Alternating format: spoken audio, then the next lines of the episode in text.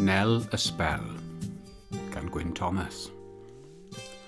Pan gyrheiddodd Sinclair St John di ei fodryb Nel, roedd hi wrthi'n smwdd o'r gath.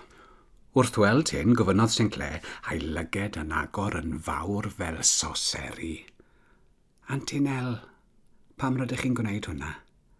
Wel, tywel, meddai fodryb gyda ni stwmp sigaret o gongl ei cheg Mae'r gath hyn wedi cael ei golchi, ac os na smwddau hi, fe fydd hi'n grychau i gyd.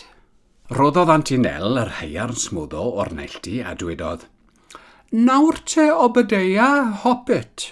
A neidiodd obydeia, y gath, fawr, nobl, oddi ar y bwrdd smwddo a'i gosod ei hun yn llwyth di o flaen y tân, yn sgleinio i gyd.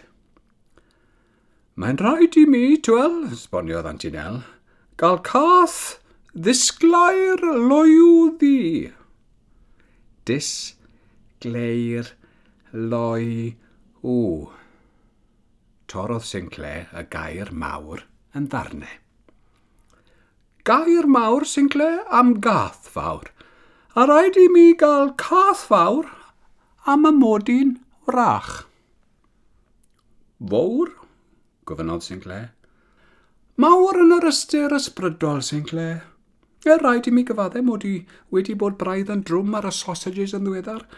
Nawr, Sinclair, wy ar y ddyletswydd heno, ac os ca'i ngalw ar jobyn, fe gei di ddod â fi. Am dy fod di'n fachgen da. Roedd Antinel a Sinclair ar ganol ei te pan ganodd y ffôn. O bydea te ba fe gorchmynodd Antinel. E a gorodd o bydea un llygad melyn mawr a dweud. Nid yn rhoi yw hi ateb y ffôn. Antinel ydi o bydeia yn ateb y ffôn, holodd Sinclair mewn syndod, o ganol brechdan, jam, anferth. Na, gyw. Glywys ti'r pwdr yn diog yn gweud nad yw e am wneud? Meddai Antinel. Bydd yn rhaid i mi ofyn i Spencer wneud te. Yna gweiddodd fel taran. Spencer! Daeth sŵn o gyfeiriad y twll dan grisiau, ac ymddangosodd ysgu bell. Brwsh, y bychodd Sinclair, a bu bron iddo dagi.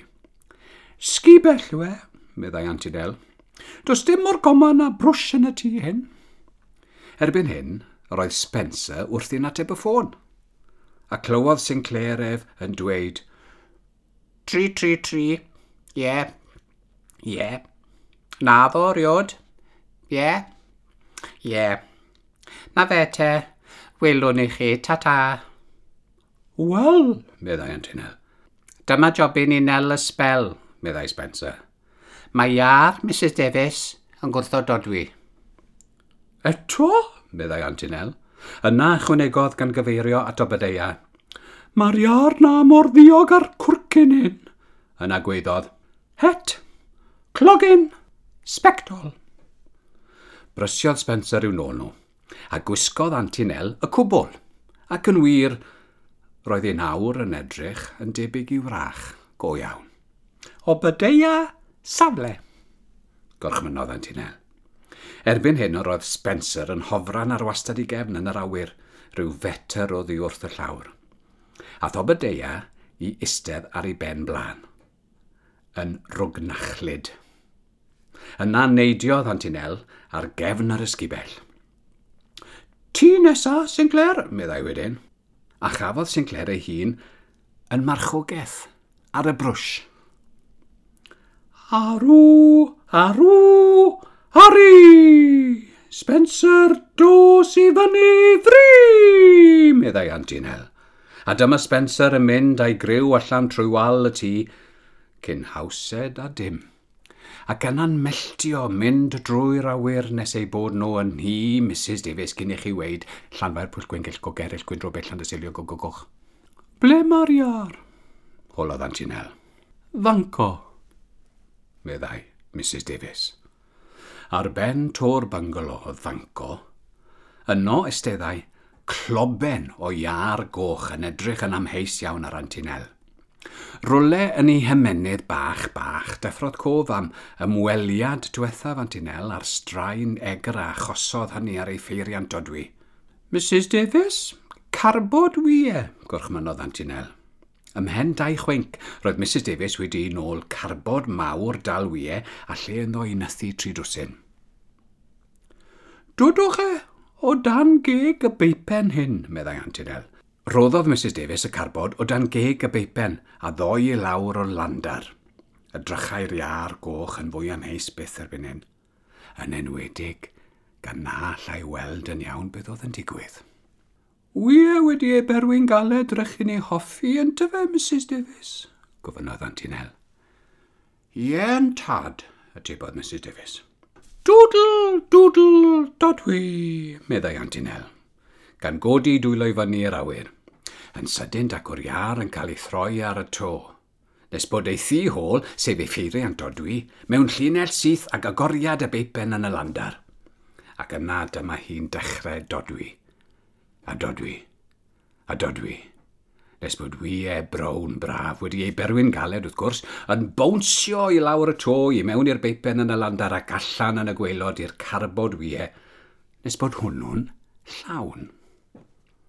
Yna llithrodd yr hen iar drian, yn llegach i lawr y to i'r landar, a hanner hedfan oedd yno ar ben o bydea. Wel, diolch eto, Nel, meddai Mrs Davies. Yna aeth i'r tŷ yn ôl bag brown a roi hanner y drwsyn y wy heno. I'r hen hogyn bach ma, meddai, a ffatio St Clair ar ei ben.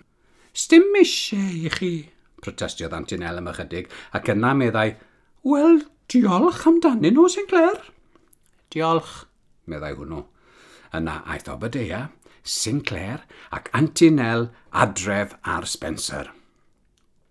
Ar ôl cyrraedd y tŷ a Spencer i'r twll dan grisiau, Obadea i gysgu'n un horwth mawr o flan y tân, ac Antinel a St Clair i orffen i te, gan ychwanegu ato ddau wyb bob un, ac i aros am yr alwad nesaf o dealla di Obadea. Mae dy dro di yw hi nawr i ateb y ffôn, meddai Antinel. Agorodd bydea, un llygad melyn mawr, a gynnau gau yn dyn, a mynd yn ei flan i freuddwydio am fyd, lle nad oedd yna ddim ffôn.